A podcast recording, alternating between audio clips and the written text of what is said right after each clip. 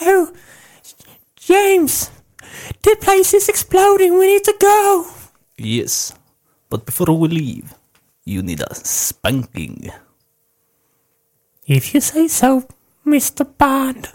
James Bond.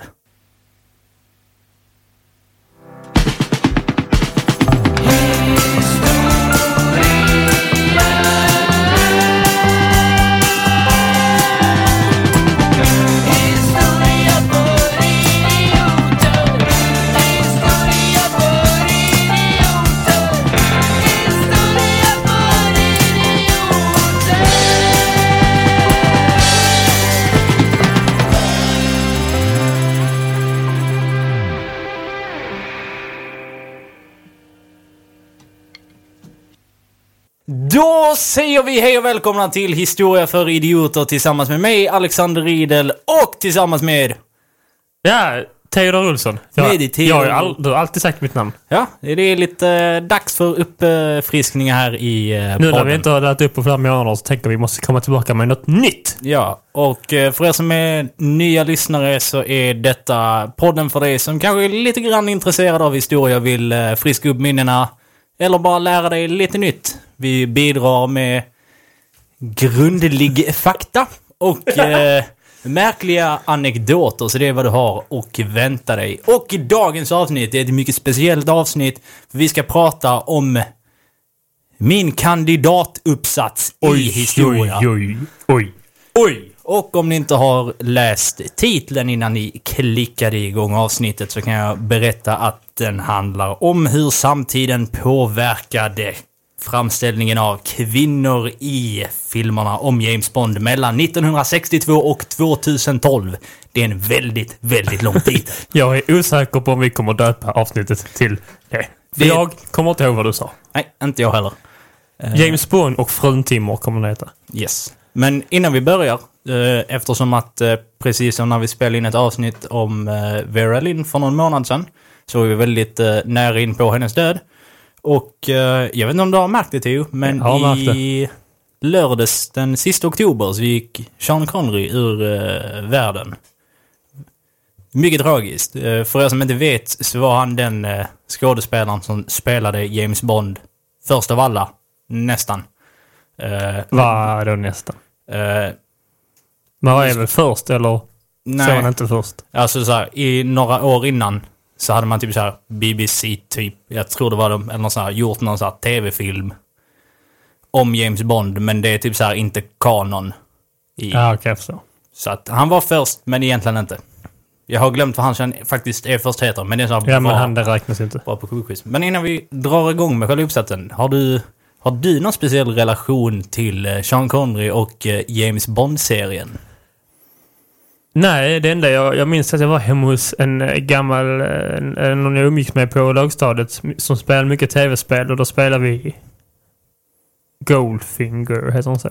Jag tror det kan vara Goldeneye, för då finns ju det jätteklassiska spelet som Ja. kom med filmen på Och typ så här, kunde man springa runt med en eh, Deagle som var gullig. Det det, Ja. det jag har eh, som Sean Connery vet. Jag hade jag sett en bild på honom så säger jag men det är Sean Connery för att man är inte helt bakom flötet än den. Nej. Men annars har jag inte jättemycket eh, relation till det. Ska vi inte, ska vi inte påpeka liksom varför vi inte ätit upp mycket på länge och sånt? Ja, eh, vi har dels... eh, så för er som har missat det, för att ni inte har... Jag vet inte, tidningar, läst tidningen, på nyheter, så är det ju för tillfället en, eh, en pandemi. What? Va? Eh, och det har gjort att när vi spelar in så sitter vi ganska nära varandra och eh, det har gått lite till och från. När Theo har varit frisk så har jag varit lite krasslig och när Theo har varit krasslig så har jag varit frisk. Så det har hela tiden löpt förbi varandra. Och sen spelar vi faktiskt... Eh, vi har spelat in det här avsnittet tidigare. Men ena gången så blev det... Det blev på tok för långt och på tok eh, för ointressant. Det var som att lyssna på världens mest tråkiga ljudbok. Men verkligen. Eh, tack Theo. Jag tyckte det var fruktansvärt tråkigt. Ja, och sen eh, har vi testat förut och då gick det bra. Eh, men dessvärre så var det så här, teknikbekymmer så att det avsnittet försvann. Men nu gör vi ett tappert försök. Och vi lovar att vi kommer vara mer frekventa med att släppa våra fina, fina avsnitt från och med nu. Eller hur Theo? Lovar. Vi lovar och svär på Sean Connerys grav. Då sätter vi igång med kandidatuppsatsen och går igenom eh, den. Eh, för er som inte vet så både jag och Theo utbildar oss till eh, lärare. Vad utbildar du dig till för lärare Theo? Eh, samhällskunskap, geografi och historia. Ja. Och jag utbildar mig till gymnasielärare i svenska och historia. Och för att man ska få lov att undervisa i sina ämnen så måste man ta en kandidatexamen i vardera ämne och för att ta en sån så måste man göra en kandidatuppsats i respektive ämne. Så nu Vänta, har... vänta, vänta. Så det betyder att jag måste göra tre stycken?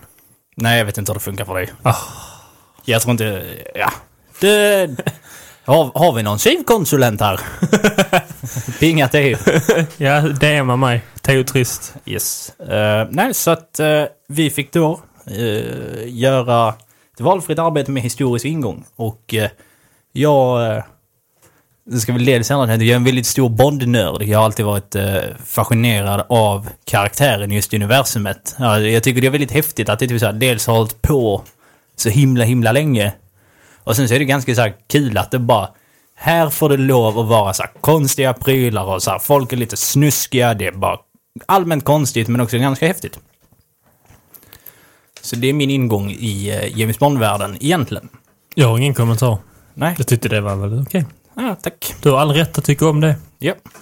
Eh, men då... eh, så för eh, inte så länge sedan, eller jag tror de flesta har lite koll på den här debatten, att man pratar lite om att viss, viss kultur som har en viss...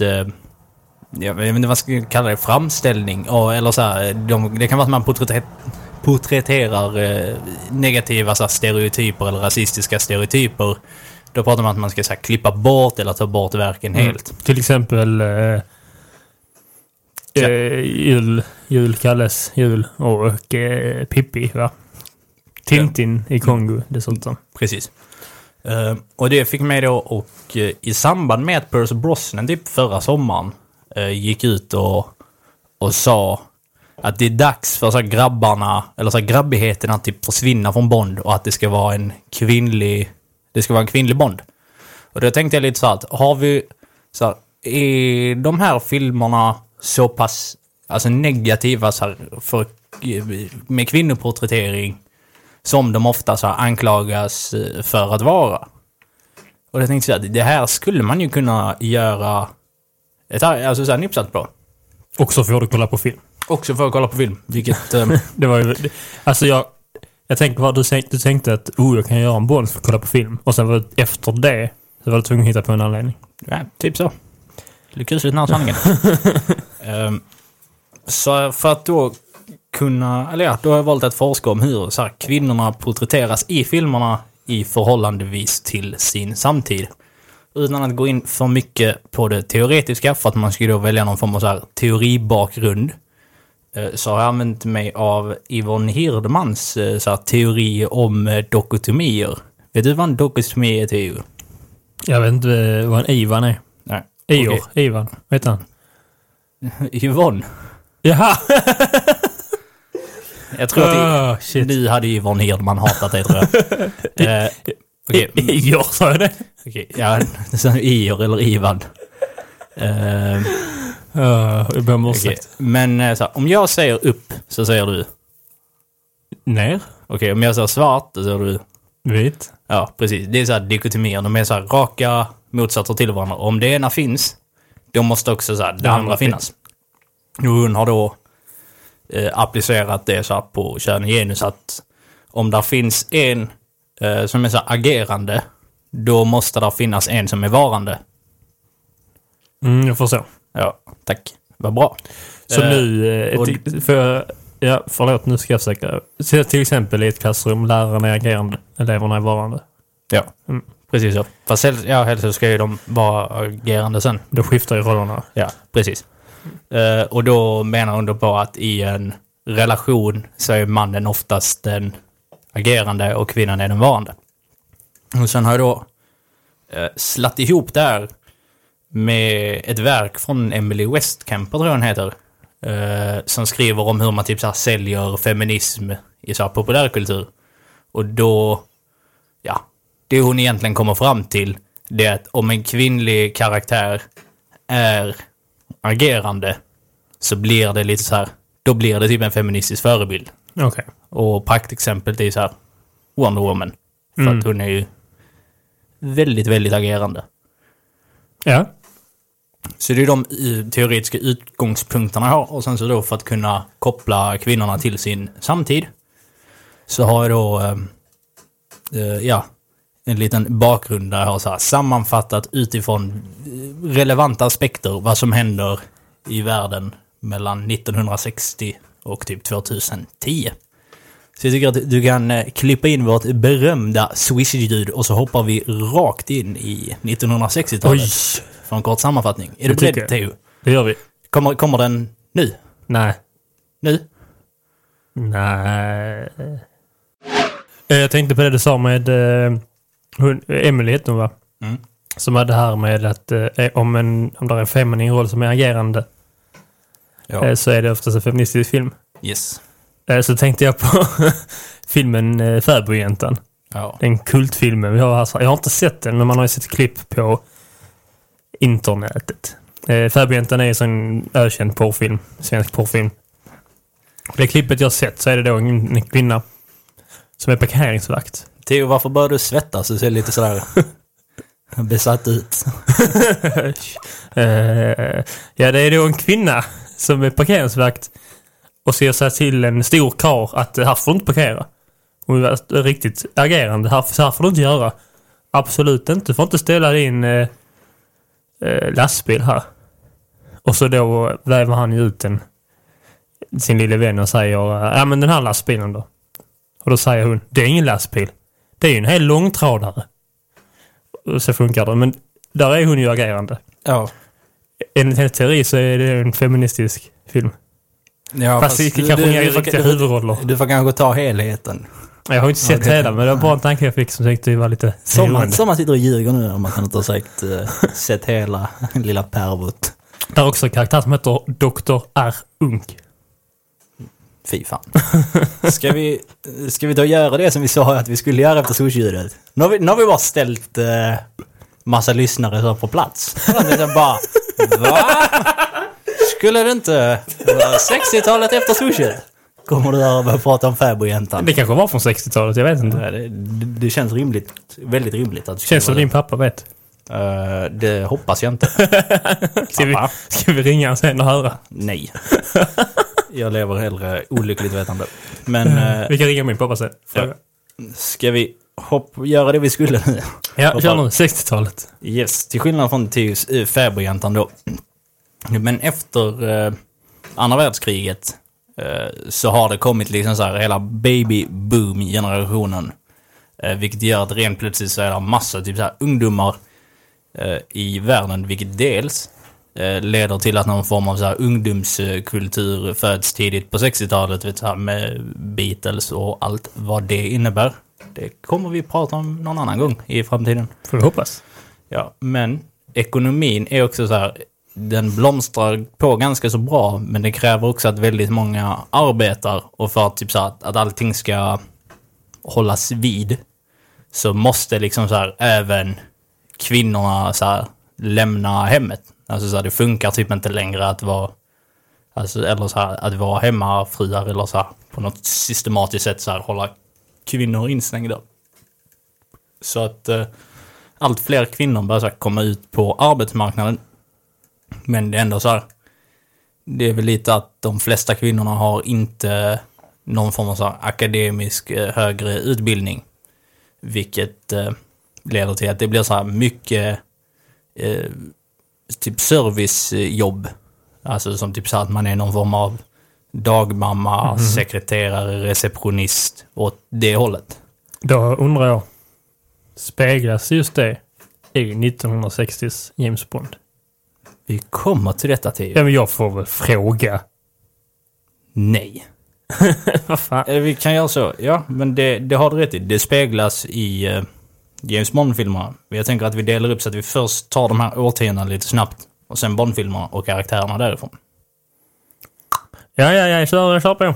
Ja, kör på. Och eh, så då samtidigt så har... Eh, eh, nu ska vi se här, jag tror att det är 1964. Eventuellt 62, där någonstans tidigt på 60-talet i alla fall. Eh, så kommer eh, p-pillret. Vilket möjliggör liksom så en helt ny eh, marknad för kvinnor att ha sex på. För att innan så har det varit lite så här, eh, om du så här, Marknad och sex. inte är sån, samma, kan lätt misstolkas, tänker jag. Ja, inte... Alltså, möjligheterna ökar. Det är inte så att om du typ så har sex så lär du med stor sannolikhet Mm. bli med barn. Blir du med barn så, ja, då måste du gifta dig Mm. och så här. Eh, Medan nu kan man så här, finns där ett eh, sätt som är lagligt som man kan skydda sig på och samtidigt ha det ganska kul. Eh, Vilket gör att det blir en helt ny syn på liksom så här sexuell frihet. Och i slutet av 60-talet så typ så här kring 1967 när det... Då... Då börjar det gökas jävlar. Jag tänkte när du sa det, sexuell frihet, så tänker man ju på 70-talet. ja. Eh, Eh, av någon anledning. Det har man ju... Mm. Varför vet jag inte riktigt, men... Och sen så då i samband med att eh, så här, p-pillerna, fler kvinnor på arbetsmarknaden, så behöv, behöver man typ inte längre gifta sig av så här, ekonomiska Nej. skäl eller att man har råkat bli med barn. Så att det, vad heter det, där, det är mindre så här giftermål och typ så här giftermålet får en annan eh, bild. Eller så här, det, blir, det blir någonting annat. det är Mm, inte längre det är typ- inte ett eh, religiöst skäl kanske. Nej, Som inte, eh, inte, på samma, inte på samma sätt. Men man har ju såklart gift sig av typ så här kärleks eller så här emotionella anledningar tidigare. Men det blir väldigt mycket mer vanligt så här förekommande. Att det är av eh, emotionella anledningar och inte för att man eh, måste vara gift. Mm, precis. Och vi, ja, ja, trevligt. Nästa tal då? Nästa tal, då kliver vi in på 70-talet. Folk fortsätter att... eh, Knula i- fritt. Lite, lite mindre. Där blir en så lite mer restriktiv eh, syn på det. Det är typ så här att vi kanske inte ska ha massa så här orgis varje dag här på dagiset för att här är barn På dagis. och de blir upprörda. Dina ögon gick ihop, vet så i mitten, när du sa Ja. Ja, precis. Det, den är dagis framför barn. Da, sex framför barn. Säg inte dagis för barnen. Det heter faktiskt förskola. Och Ja. det måste jag säga, annars stryper min syster mig. Ja, det får hon göra. Jag klarar mig. Eh, nej, men det Aj. blir så här mer restriktivt. Eller så här, sexlivet är inte lika hej hopp längre. Utan det är mer typ så här, uh, gör, så här, gör vad du vill. Mm. Men typ så här, men var kanske lite mer så här sansad. Eh, men kvinnor börjar bli så här mer infasade på så här arbetsmarknadens olika delar. Så det är inte lika mycket typ så här att okej, du är kvinna och ska arbeta. Ställ dig i receptionen eller bli så här, jobba på förskola. Eh, eh, utan man börjar så här, eh, typ, inte, inte, ja men typ kvotera in typ så här i någon maktposition och så det är lite så här polis. Kvinnliga poliser och eh, åt det hållet, lite inom så här, politiken och sånt som kommer upp. Och eh, man börjar göra lite så här lagförändringar som... Eh, det, det här är så sjukt att detta händer så här. Inte händer förrän 74. Men fram till 74 i USA så fick du typ så här. Ja, du får typ så här. Du får våldta din fru. Så här.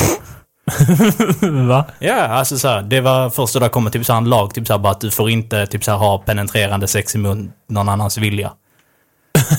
och innan så var det typ så här att du kunde, det var lite så att du fick, du fick inte slå någon annans fru, Men din för att då skadar du en annan mans egendom. 74. Ja, tas, tas den bort. Men det är lite så om man spelar frågesportspel och sånt och får en fråga om kvinnors rättigheter så är det tyvärr att man får tänka att det är senare än vad man tror. Ja. Det, är, det, är, det är riktigt sjukt. Uh, och sen, ja, och skilsmässor fortsätter. Uh, lite som under 60-talet. Jag tror inte jag sa det, men folk skiljer sig ganska mycket. Det är Eh, ganska nytt va? Ja. Mm, att folk skiljer sig. Ja. På 1980-talet så fortsätter folk också att skilja sig. Lite mindre så här procent sats. Men det är nog också lite för att folk går inte in i giftermål som de inte vill vara i, i samma grad. Nej, det är färre giftermål. Alltså Ja. färre Ja, som skiljer sig. det, det är också lite så här, där har jag inte kollat upp, men jag bara gissar att det är så. Det känns ganska rimligt.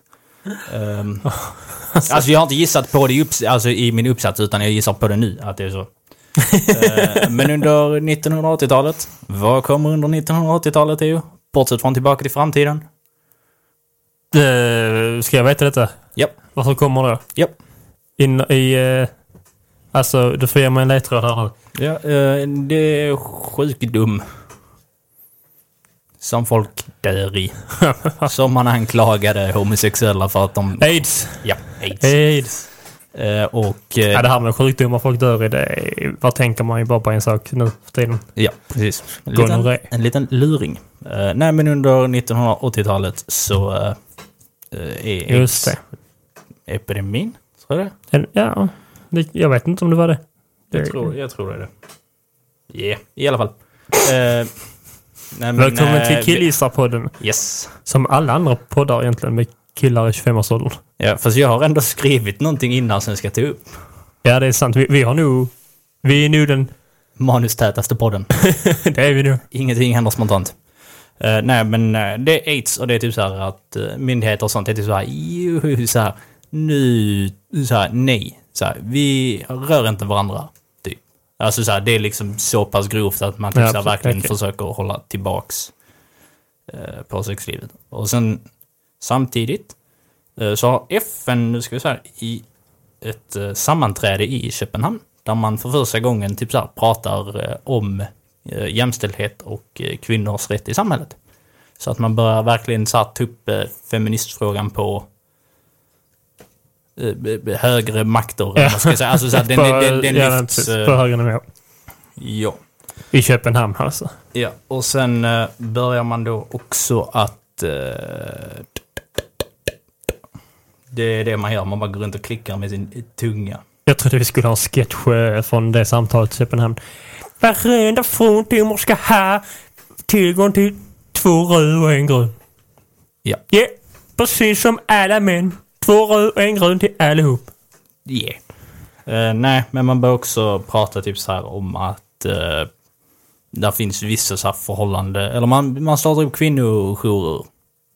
Alltså så, här, så att kvinnor har typ möjlighet att få hjälp att ta sig ur eh, så här, förhållanden eh, som minst sagt inte är så välfungerande, utan aningen destruktiva. Och man börjar också så här, lite mer så här lagsagda att, att så här, eh, frånskilda pappor Alltså så typ som stickor. Eh, de måste typ så här hjälpa till med försörjning eh, i alla fall. Det, Det är ju inte mer än rätt. nej. Och eh, Fan, när man hör det så här så känns det ändå ljust att det går... Alltså under tiden gått uppåt. ja. Och under 1990-talet så blir det ganska eh, ljusare. Stora framsteg.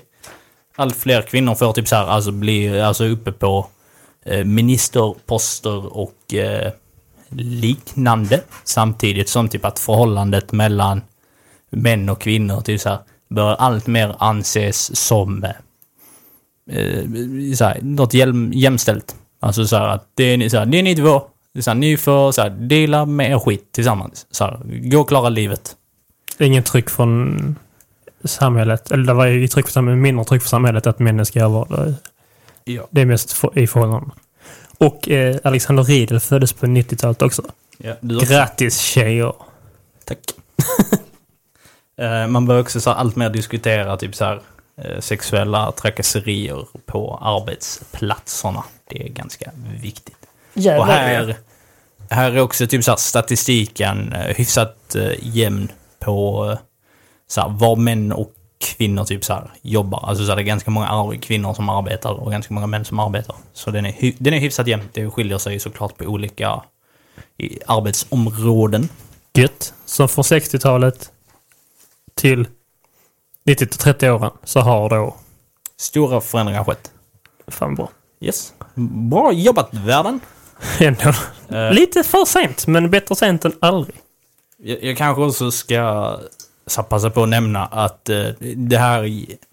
De här punkterna gäller inte så här världen över. Det tror jag folk förstår. Men jag vill bara påpeka det att jag har riktat in mig på Storbritannien och USA.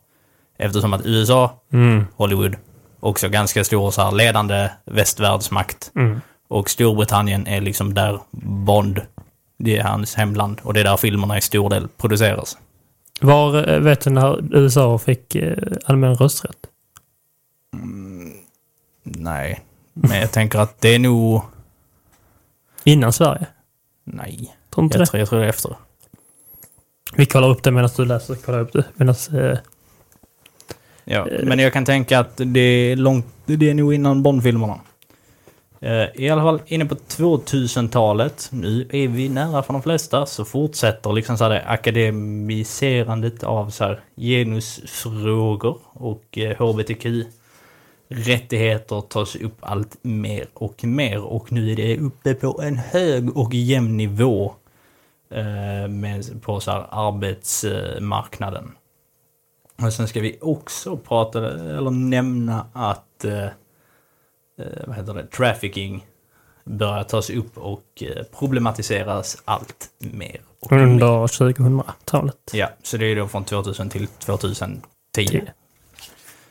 Så det var den lilla korta historiska bakgrunden. Vi kommer ju såklart i eh, framtiden så här återkomma och prata eh, mer om i alla fall 60 och 70-talet. Förlåt alla 60 och 70-talister som hör detta, men där händer en del historiska grejer. Vad är det jag ber om ursäkt? Jag vill inte att någon ska känna sig alltför gammal. Ja, jag kallar det historiskt menar du? Ja. Inte, men ja. Det amerikanska valet nu är ju också historiskt. Ja, men det är väl ingen som ska prata om det i en historiepodd idag? Nej, nej, men jag menar det är ju också historiskt. Ja. Så att det går väl, de får väl, de får väl bli arga. Ja. Känner du någon 70-talist? Ja. Min mamma. Oj, Ja. min pappa är svingammal hörde jag nu. Ja, ska vi gå in och eh, prata om eh, filmerna och hur de porträtterar sina kvinnliga karaktärer istället? Där. Snabbt bara eh, enligt Wikipedia då. Jag trodde att vi var en podd som inte googlade. Ja men trott, vi kan ju göra hyfsat, det är Wikipedia så, så det är lite så fortfarande, fortfarande lite ish. Ja. Men, men eh, vi sa vi skulle kolla upp det. Eh, 1920. Ja. Eh, ish. USA. Så Ja. det är ju samtidigt samklang med Sverige. Bra uppkollat. Eh, ja, har vi fel så skriv till oss. Ja. Eh, Skriv främst till Theo då. Om det var fel. Om det var Varför rätt, det? skriv till båda. Och, nej, ja, ja, ja. Då tar vi och eh, dyker rätt in i den första filmen. Vad heter den första Bond-filmen, Theo? Fe- Ag- Agent 007. Ja, på svenska heter den Agent 007 ser rött, tror jag. Oh. Vilket är en jättekonstig titel för att den heter Dr. No. På... Ah, är inte Dr. No den lilla roliga killen? Det, ja, det, vi- är det. Det är den lilla roliga Ja, grejen. men han är väl rätt liten? Nej. Han har typ sån konstig typ så här klohand. Aha. Så låter det med folk som har klohänder. Det är därför de inte kan smyga. Så de går runt och klorna bara... Japp, de fladdrar i vinden. Ja, vi, jag ska bara innan vi hoppar in i filmen säga att eh, för att så här, dela upp ordningen så har vi tagit, eller jag har tagit, Theo har inte gjort någonting alls för den uppsatsen faktiskt. Eh, så det är väl bara eh, positivt. respektive så här, Bondskådespelares första film. För att få ett jämnt, så här, någorlunda fördelning. För att det är typ så här, det är typ sam, det är samma familj som så här, producerar Broccoli-familjen. De- heter Broccoli-familjen. Det är roligt. Eh, Men till så för att, eh, ja, ni förstår, så kreativa så inputs av att det är så olika regissörer och manusförfattare. Jag orkar inte så kolla vad de haft för värderingar. Därför har jag bara tagit första skådespelares film. Så, Så vi är Sean Connerys första film. ja, han har dock två för att jag också tagit den mest inkomst, de två mest inkomstbringande filmerna. Okej. Eh, Så då börjar vi 1962 med Dr. No. Och den här filmen har Moneypenny som dyker upp första gången. Eh, för er som har sett mer än en Bondfilm vet jag att hon dyker upp med jämna mellanrum. Ja, just det. Det är hon. Eh, och hon är ju då eh, M's assistent. Och M är då så James Bonds chef. Så de hänger bara på det här, så här brittiska underrättelsetjänsten. Och hon sitter bokstavligen utanför kontoret. Och hennes relation med Bond, eh, det är att han kommer, när han är på väg in på så här möte till början på filmen, så stannar han vid hennes så här, skrivbord och de har lite så här, lite flörtig stämning med varandra. Eh, och sen så Hur, går... kan, hur låter det då? Jag vet inte. jag, jag, kan inte. jag kan inte sitta och recitera deras här flört. Ja, men hur låter en flörtig stämning? Uh, oh, vad jag vill ta på dig. Nej, det, det är övergrepp. Ja, just det. Eh, Alex, det är ingen flörtig stämning. Eh, nej, men alltså så här, de, det är lite så här lättsam, uh, lätt, lätt, uh, lätt, lättsam stämning mellan dem. Det är liksom lite sex i luften. Ja. Fast det är väl, sex i luften då? så är det väl alltid när Bond kommer in i ett rum. Eh, nej, inte när han går in till hem. För där är det bara män. Och då är det en annan stämning. Ah, ja, ja. Så det märks tydligt. Och sen så märks det när han går ut därifrån. Eh, och det är typ så här enda gången vi ser och hör henne i filmen. Så där kan man tydligt visa sig att samtiden, kvinna, sekreterare. Där finns också någon form av så lite positiv eh, inställning till sex eftersom att det är så lite flört i flört. Men det känns lite som att så här, mm, lite att hårddra det. För att jag tror att folk har flörtat med varandra innan p-piller. Ja, förmodligen. Jag får ju Eh, anta det. Ja, så där eh, blir hon lite så här. Hon är en del av sin tid på det viset. Och sen där, eh, sen också bara med i början. Nu ska vi se vad hon heter. Sylvia Trench. För övrigt, eh, det kända citatet, så här, eller så här, eh, Bond, James Bond. Eh, det kommer från att han härmar henne när hon introducerar sig själv. För hon introducerar sig själv som Trench. Sylvia Trench. Och så kopierar han det rakt av. Coat. Trench coat. Uh, fy fan typ. Eh, men, Det var ju faktiskt, det var rolig, rolig eh, fakta. eh, tack. Men de träffas då över ett spel, eh, uh, Backare tror jag det heter. Så här kortspel, typ pokeraktigt, ish. Eh, och eh, där eh, är det hon som så här börjar eh, flörta lite med, med Bond. Och sen efter kortspelet så går hon då fram till liksom så här honom och ger så här introducerar sig och lite sådär tydligt. Det blir tydligt agerande av eh, mellan Jag de tänkte två. precis fråga, är hunden agerande i... Ja. Och eh, sen typ såhär dagen efter innan Bond sticker iväg på sitt eh, lilla uppdrag eh, som han gör. Eh, så har hon brutit sig in i hans lägenhet. Som man gör. Som han gör. Och står typ där utan byxor och eh, så här, bara någon så här av hans skjortor. Och det är typ så här, hej, så här, nu, ska- så här, nu ska vi ligga du och jag James. Eh, Som man gör. som man gör. Men det man ändå kan så här, få ut av det är ju att hon dels är så här, agerande. Och eh, sen att eh, hon... Hon kan också, lik- så som vi kommer att se Bond eh, senare, kan också ha liksom så här sex och flörta för att det är liksom så här, det, det är kul. Så det, på så vis så blir hon ju ändå lite talande för sin, Tid. för sin tid. Spännande. Ja, det... Det låter som hon är någon form av kvinnlig version av Bond för att spegla det. Lite så, faktiskt. Eh, och sen, där är ett par andra kvinnor i eh, filmen. Uh, nu ska vi se, det är Annabelle Chung och Miss Taro som är så här bikaraktärer, jobbar för skurken. Uh, skurken då, Dr. No, och de är väldigt tydligt varande och jämte Bond så blir det liksom så här tydligt att här är det, så här, är det han som bestämmer ni har inte så mycket att komma med. För att han lurar den ene och eh, typ eh, skadar den andra. Å andra sidan är det hon som försöker så här, hon, hon försöker skada Bond först men han är typ så här lite starkare så att hon kunde inte. Så hon försöker vara agerande men, men kan inte. Ja men det Har vi varnat? Vi har inte varnat för spoilersen. nej. Jag kommer inte spoila så här typ på resten av filmen. Nej, det får vi hoppas. Men ändå någon form av spoiler är här ju. Ja, och sen så är det då, vissa av de här filmerna har ganska många så här kvinnliga bikaraktärer, men jag väljer att så här fokusera på eh, de som är med lite mer i bild. Det blir lite enklare så. Lite mer intressant att prata lite mer om dem än, ja, bara pff. Ni förstår. Och eh, filmens eh, Bondbrud är då Honey Rider som Bond möter när han är iväg på den här ön. Bra namn. Jättebra namn. Eh, jag har också valt att inte bry mig så mycket om kvinnornas namn för där är typ så här, de är så tydligt att det här ska vara så här lite roligt att de har snuskiga namn. Eh, Jag tror det är i Ah. Mannen med gyllene pistolen där en av kvinnorna heter Pussy Galore. Och om man inte kan översätta det själv så googla. Galore kan jag inte avsätta. Eh, Överflöd, typ. Det, det är så att sådana Så som, jävla dumt. det är så att sådana som Theo ska sitta och garva åt att det är roligt. Ja, fast jag garvar ju mest över hur, hur dumt det är. Nej, det gör du inte. Du satt här innan och pratade om fäbodjäntan. Vi känner dig. Eh, Okej. nej, men hon, eh, hon är ganska tydligt så här varande i eh, relationen till Bond. Eh, sa Honey Rider och vissa. Han eh, fysiskt här, måste dra, dra med henne för att hon ska, typ, här, inte ska bli skjuten. Och det är så tydligt att hon klarar sig liksom inte själv.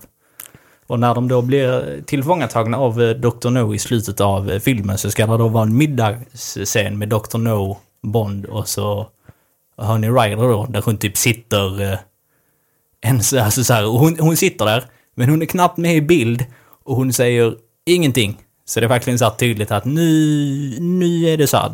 Men händer det ingenting utifrån henne heller? Hon blir inte gisslan eller någonting? Jo, hon blir gisslan, men man får typ Okej. inte se när det händer. För det är när Bond håller på att så här spränga sketan av stället. Så här, när han springer omkring och piu, piu, piu, piu, piu. Och så är det typ så här eh, att han typ bara, åh just det, jag måste ju rädda henne också. Så sitter hon typ så här fastkedjad och håller typ på att drunkna. Och så kommer han och typ räddar henne.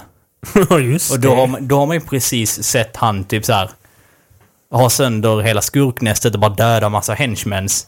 Och så är hon där och typ inte kan klara sig själv. Uh, Klassiskt varande. klassiskt varande. Och hon har heller ingen så utbildning eller sånt som kan kopplas riktigt Hon till... med, det känns som att hon är eh, som karaktär är mer, mer som en prop. Ja. Alltså prop device, riktigt. Alltså, Ja, hon är med ett objekt. mm. Hon, eh, ja. Så att det är ju lite tråkigt för henne. Men eh, de andra, ja. Eh, Det är ju lite så här otydligt Men emellan. Moneypenny får i alla fall sitta bakom ett skrivbord och prata flörtigt med Bond. Ja. Eh, Vi hoppar vidare till eh, 1965. En, en annan film då med Sean Connery i huvudrollen.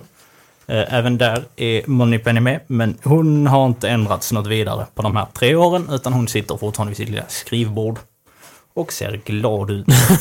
Eh, Men det som är intressant här, det är att här finns en, eh, en kvinnlig skurk eh, som då heter Fiona Volpe.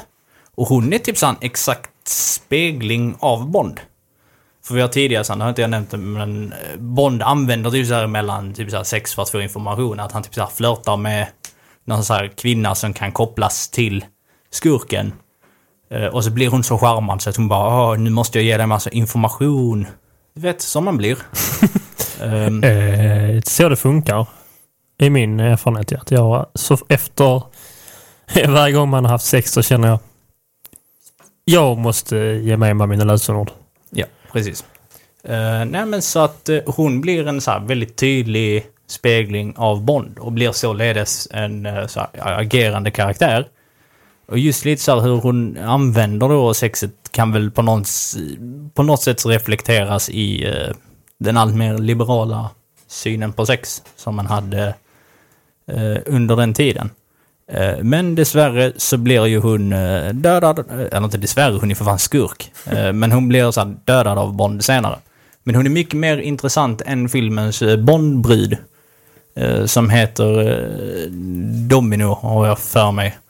Eh, för att hon är typ, jag vet inte fan hur det hänger ihop. Eh, men typ så här kopplad till eh, filmens huvudskurk. Och hon är inte med så jättemycket. Och är väl lite typ så här mer som någon form av hemmafru. Skulle jag vilja säga. Så att hon, hon blir väldigt omodern i, i den här filmen. Men det som gör henne dock speciell, det är att i slutet av eh, filmen så, rädd, så är det hon som räddar Bond. Eh, från att dö. Så då blir hon så här trots allt agerande. Eh, så ska vi ändå säga att den här filmen har ju typ så här två eh, så här stora kvinnliga karaktärer. Varav den ena tydligt är så agerande hela tiden och är typ som Bond. Varpå den andra till stor del bara är varande, men till slut, när hon måste, eh, så blir hon liksom så här agerande. Och eh, dödar då eh, huvudskurken, som vi tidigare har sett har försökt så här förgripa sig på henne. Så det blir en väldigt tydlig så här utveckling och det är lite så här eh, girl power över det hela. Eh, 65. 1965. Ändå, alltså jämfört med filmen från 62 så är det Så är det lite skillnad. Och det här, det här är då en av de mest inkomstbringande filmerna. Vad hette den? Thunderball. Thunderball. Men jag tror också att det, Det beror på att man- eh, den kommer typ så här när Bond, alltså så här, för på 60-talet så är typ så här, det är typ Beatles, Batman och Bond som är typ så här de stora så här inom populärkultur. The Big Bees. Ja, typ. Så att det, det har nog lite att göra med just var själva franchisen eh, stod. Att den det var typ så här, den pikade typ så här i popularitet. Så det har, inte, det har inte att göra med att det är den bästa, en av de bästa filmerna. Nej, jag personligen tycker jag att den är skittråkig. det är alltså så här, där är en... Nu ska vi inte Men, prata... uppen, men uppenbarligen behöver inte en film vara underhållande för att bli populär. Vi har ju Ingmar Bergmans filmer är inte jätteunderhållande. Nej, men där är... Eh, eh, själva slutscenen är typ så här 25 minuter under vatten där det är typ dykare som slåss med varandra. I typ slow motion för att de slåss under vatten. Underhållande. Eh, nej, under vatten.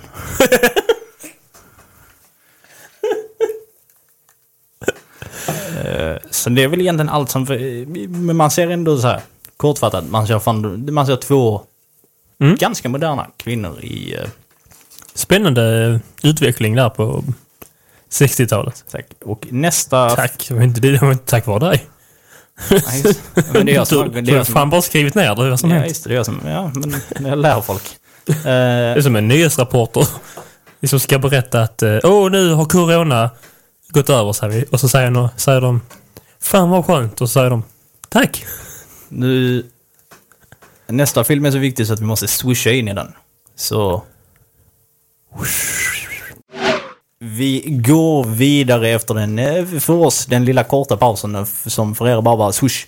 Eh, till 1969s film in Her Majesty's Secret Service. George Lazenbys första och enda film som Bond och eh, den här Theo och lyssnarna är en av mina dels personliga favorit Bond-filmer. Men den är också väldigt, väldigt speciell. Först och främst, den har eh, Moneypenny är med, vanlig ordning.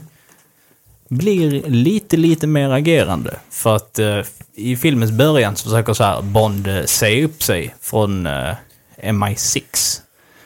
Eh, och eh, Moneypenny känner liksom så här Bond så pass väl och eh, menar typ så här, nej, alltså så här, du vill inte säga upp dig.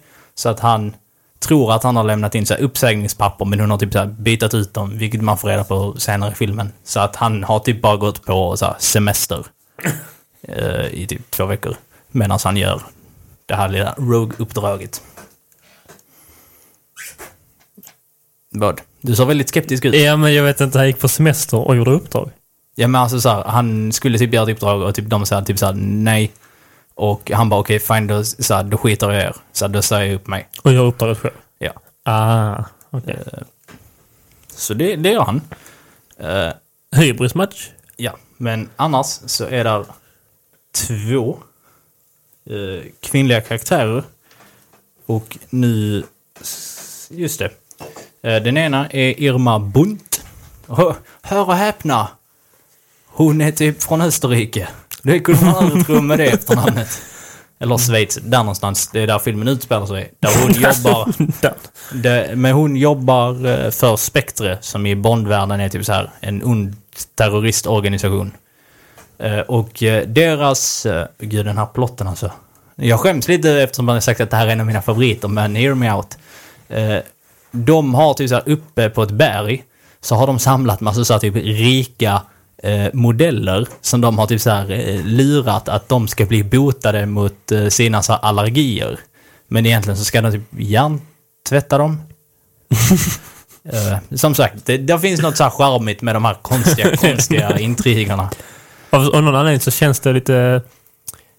En plott som skulle vara med. Vad hette det programmet som gick på typ Nickelodeon eller Cartoon Network med sån tre... Ja, totally spice. Totally Spice, ja. Det låter som en sån plot twist. Men de, det, det där är ju typ så, här så tydligt inspirerat av så här typ gamla Bondfilmer och sånt. Men inte alla spiongrejer. Alltså, Jo, eh, det är de. ja. Men i alla fall.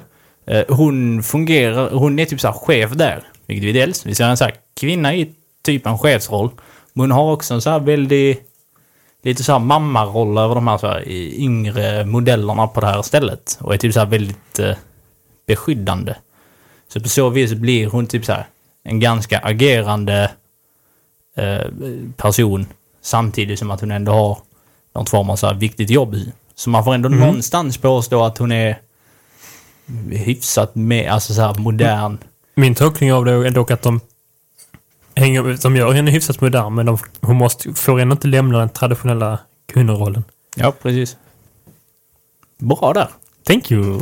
Eh, och eh, den andra kvinnliga karaktär, karaktären är då eh, Tracy Draco, tror jag man uttalar det, eller Draco. Det är någonting där. Eh, och i början av filmen så ser vi att hennes pappa är liksom så här typ någon form av maffiaboss och försöker få Bond att gifta sig med henne. Och det är typ så här, men du får så här, du får en, typ så här, en miljon pund om du gifter dig så här med min dotter. Och han är typ så här, nej. Så här, jag gillar att vara, så här, jag gillar att vara ungkarl. Det är liksom det han säger och sen så är det lite ur, ur världen. Men sen så påbörjar de eh, en romans. Och, och det är inte som den så här vanliga Bond-romansen att han typ så bara träffar någon, är lite flörtig, de ligger och sen så asar han med henne. Typ som med Honey Rider. Det låter as. Ja men hon i första filmen. Alltså typ Ja, ja. så här att, ja okej nu, så här, nu har du hängt, så här, nu har vi legat och nu, Nu får du väl följa med då. ja så Typ. du får följa med. Man ser det, då- där är liksom ett, där är liksom ett kärleksmontage. Där de åker så här häst och vagn ihop och eh, Louis Armstrongs, vad fan heter den?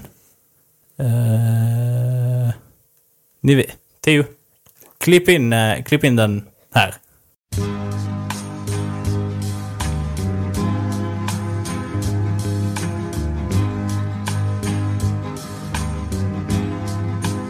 We have all the time in the world.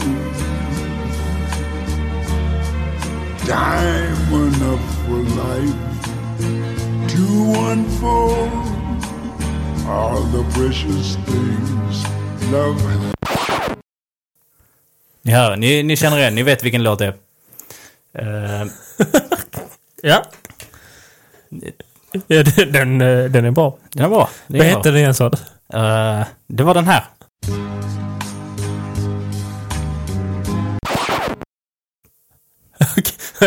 ah, ja, just det. We have all the time in the world, tror jag den heter. Ja, Eh, det den- hörde vi precis. Ja, vill du höra när jag sjunger också? Eh, ja. We have all the time in... Ja, den. Ni har precis hört den. Men hur låter originalet? Eh, ja, men det, det låter så här.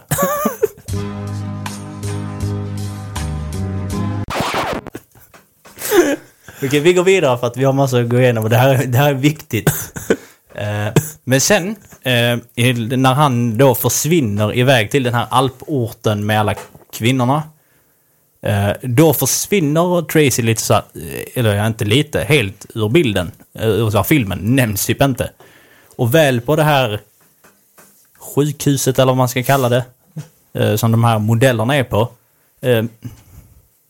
Så går, de blir så jätteglada för att de är typ så här i karantän där. Så de får inte träffa andra män. Och sen så kommer Bond som det har nästlat sig in på ett Bond-sätt. Då blir de jätteglada för så här, ah, titta en man. Och sen så råkar det vara typ så här den kortaste mannen i världen. Eh, så att man ser... Gud, det är så hemskt. Alltså han går runt mitt i natten och så här knackar typ dörr i någon så här... Jag har för mig att han har typ en kilt på sig. Och någonting annat. Han ser så jävla dum ut när han går. Eh, och typ så här, och så är det så här. En snygg kvinna och så bara går han in och typ bara... Hello! eh, och sen så, så här, är det implyat att de typ så här, har sex och sen så går han vidare till nästa rum. Och det är typ så här, man bara det här är... Det är, så här, det är ganska vidrigt när man kollar tillbaks på det. Men det är samtidigt väldigt talande för den tiden. Alltså så här, det så här liberala sexlivet i slutet på 60-talet. Att man... Typ, kvinnor vill också ligga. Ja. Eh, Men det är också, de visar ju också liksom att när en kvinna inte får se en man på jättelänge så kommer den bara ligga med den första den ser. Ja. Också skevt. Det är också väldigt, väldigt skevt. Eh, Den här filmen vet jag inte riktigt var, var den är. nej. Och Det, det känns som typ en parodi på... ja, det, det, ja, när man Ja. pratar om den, men alltså den är, den är väldigt bra. Eh, faktiskt. Ja, ja, jag tror det. Och sen så är han då och hänger där. Jag tänker att vi, vi går inte så nu in på intrigen för det är egentligen ganska ointressant. Eh, när då eh, han håller på att avslöja dem och ska typ så här smälla stället stycka. Eh, då kommer så här Tracy och eh, räddar honom. Eh, och sen så är det en lång, eh, eh, cool actionsekvens där hon typ så här, där hon kör bilen i så här biljakten. Och det är verkligen så att här är det så här tydligt att nu var det, hade inte hon kommit så hade han varit fucked. Alltså så här, det hade varit så här, inte ens han hade tagit sig ur den här situationen. Så Bond gick alltså in och knullade med massa brudar. Tänkte att eh, jag springer istället så blir det bra. Och så fuckade han upp det. Ja, jag, jag, Och så är då Tracy hjälten. ja, lite så. Om man, om man gör det jätte, jätte, jätte, jätte, jätte, jätte förenklat så ja. Ja, det. Eh, men de eh, ska övernatta i en sån här lada för att det snöar jättemycket. Och de kan inte köra bilen längre. Och väl där så friar eh, Bond till henne. Och hon säger ja. Och detta är liksom, så vitt jag vet, eller så här, jag vet att det är första gången. Jag är ganska säker på att det är den enda gången Ja, jag tänkte det också. eh, som han friar till någon. Och hon säger då ja. Och eh, filmen eh, avslutas med att de så här gifter sig. Och eh, hör här, här, här kommer den superviktiga detaljen. Att eh, på bröllopet så kommer då hennes pappa fram till Bond och typ så bara och så här, just det, Ja. dina, så här, dina en miljon Pund. Ja. Och då säger typ så här James bara nej, nej. Så att det här, det här någonting så här, jag vill liksom så här gifta mig med henne för liksom så här, eh, jag älskar henne så mycket så att eh, jag ville inga så här pengar eller något sånt, det är inte därför. Snyggt. Ja, så där ser man ju liksom, eh, dels har vi två hyfs, eh, sådär, eh, en hyfsat modern kvinnokaraktär, en väldigt modern som är väldigt så här, varande. Och hon gifter sig av, så, så här, av emotionella anledningar. Vi har redan sett att någon säger nej till pengarna. Eller att James säger nej till pengarna. Vi har det Det speglar också samtidigt. Precis, så att det är väldigt många saker som speglar samtiden i eh, denna. Dessvärre, spoiler, eh, så avslutas filmen med att eh, skurken Irma Bunt eh, skjuter ihjäl eh, henne. Och Nej! ja. Jag och- tänkte fråga, liksom så, hur i de andra filmerna liksom, nämns hon ens? Ja, Och så, att, jag, jag kommer inte ihåg i vilken film, jag vet att när uh, Roger Moore, vilken svengelska, spelar Bond, eh, så besöker han eh, hennes grav. Och lägger blommor. Men Åh. det är typ enda gången. Ja, men det är ändå... Det känns ändå som universumet håller samman. Ja. Ehm, Fan vad, nej! Det var min bästa karaktär hittills ju. ja. Eh, hon eh, som spelar henne gick bort också nyligen tror jag. Men det är också tråkigt. Men hon, Det är också tråkigt. ja. Vi går snabbt vidare innan vi blir helt mentalt förstörda till filmen Live and Let Die från 1973. Live and let die. Wow. Eh, ja, den. Uh, Roger Moores första film uh, med det då Moneypenny. Har inte riktigt förändrats den här gången heller. Så vi pratar inte mer om henne. Ah, skönt. Eh, och sen Vilket har, jävla namn. sen har vi två väldigt, väldigt moderna för sin tid kvinnokaraktärer. Vi har Rosie Carver. Snabb kommentar. Tänk, tänkte på Moneypen. Det låter ju verkligen som att författaren eh, eh, av James Bond och namn, det kommer tåg bakom han som och pratar över. Så är det bara. Det, han liksom sitter i ett rum och försöker typ komma på ett namn på den här karaktären. Och tittar runt vad han ser. Och det enda som är i rummet är en, en penny. Så jag tänker han, ah, okej, money. Och så vet ni efter någonting annat. Men det är bara den. Penny. Jo. Och så har han kommit på namnet. Det är så jävla uppenbart att det är så det går till. Jag tror att han kom på... Det är då Ian Fleming som har skrivit eh, böckerna för de som inte vet det. Men han ska tydligen ha kommit på namnet James Bond när han typ så här, Han hade en bok vid sig eh, om fågelskådning där författaren hette James Bond. det är sant.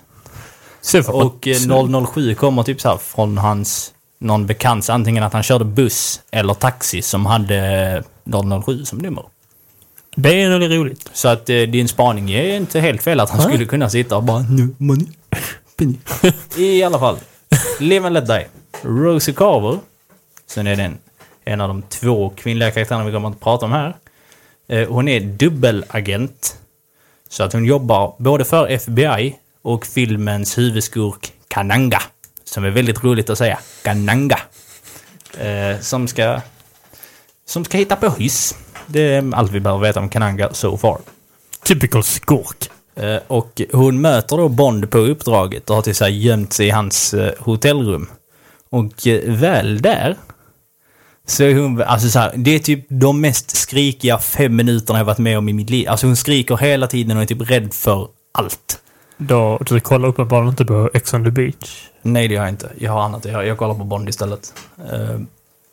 Men... Gud, nu tappar jag bort mig. Tack, Theo. Det här med hon skriker om allt. Ja, eh, så att det blir väldigt tydligt typ så här att Bond, Bond måste liksom så här typ ta hand om henne för att annars så kommer att hon inte, annars klarar hon sig inte. Vilket det blir lite motsägelsefullt för att hon är inte så speciellt agerande ihop med Bond för då blir hon väldigt varande. Eh, Men sen samtidigt, det, det är liksom så här en kvinn, dels en kvinnlig och eh, en svart kvinna till och med. eh, Som då är alltså så här FBI eh, agent. När är vi i tiden nu sa du? 1973? Mm. Japp, Mm. 1973. Eh, Så att eh, hon, hon dör senare i filmen när det visar sig att hon är dubbelagent och jobbar för Kananga. Men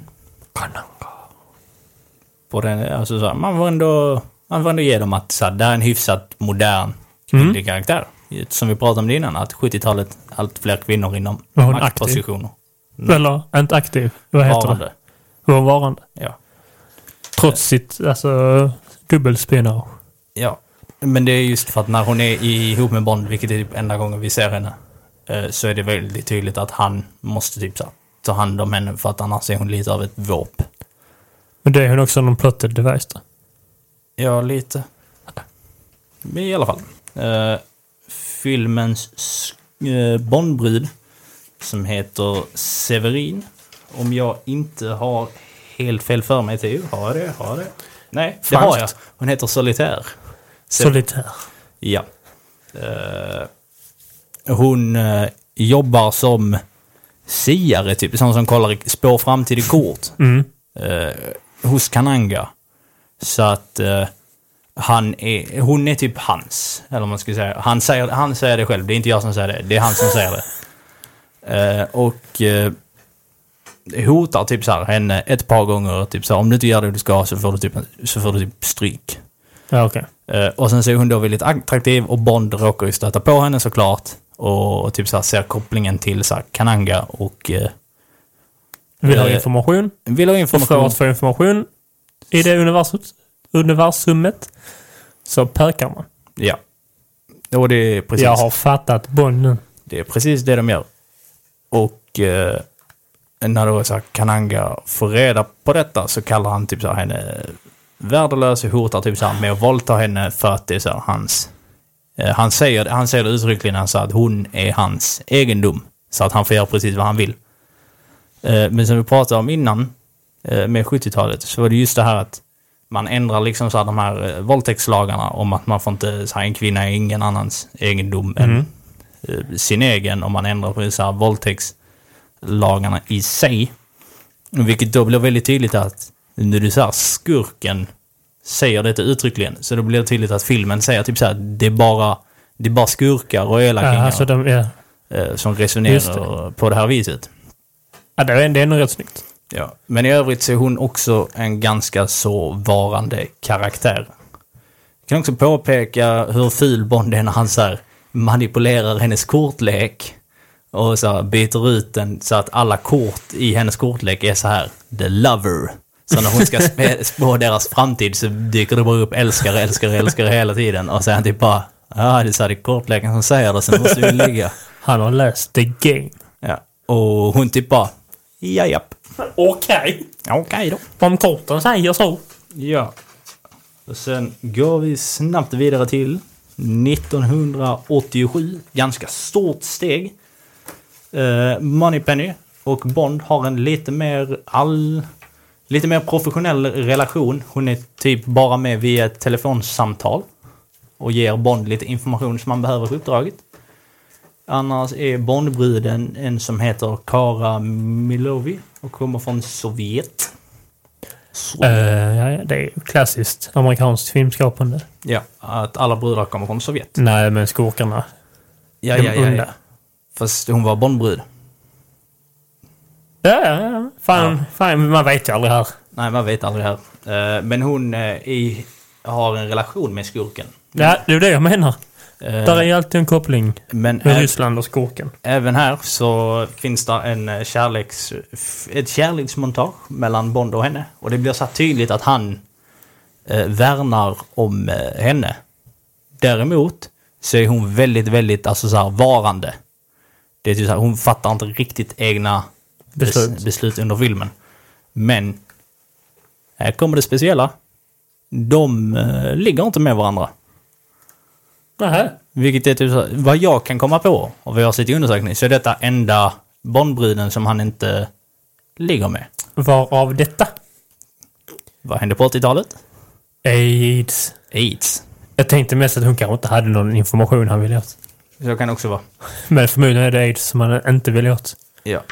Eh, och sen så ser man då liksom så att det här... eh, Fan vad intressant att det speglar så mycket. Ja. Det är och, spännande. eh, hon... eh, eh, nu ska vi se här.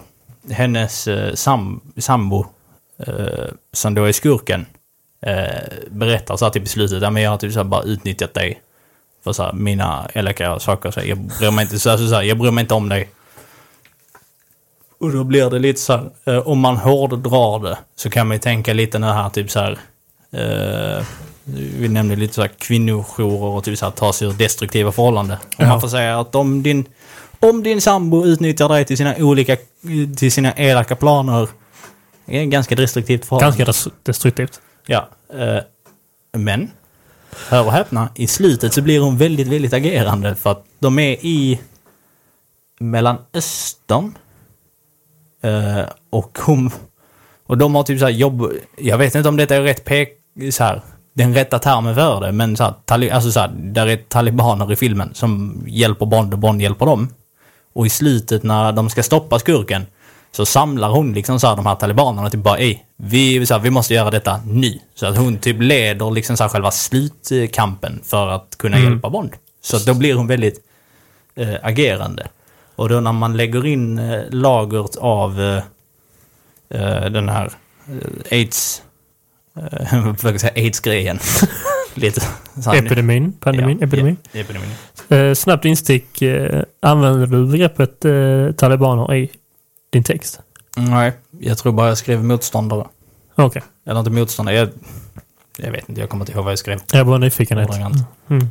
Men jag tror väl att det är så den gruppen kallar. Alltså så här.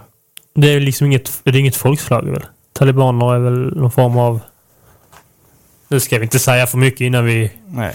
Innan vi säger för mycket. Men jag har för mig att de, alltså så här, att eh, både hon och Bond i filmen säger typ så här, talibanerna. Så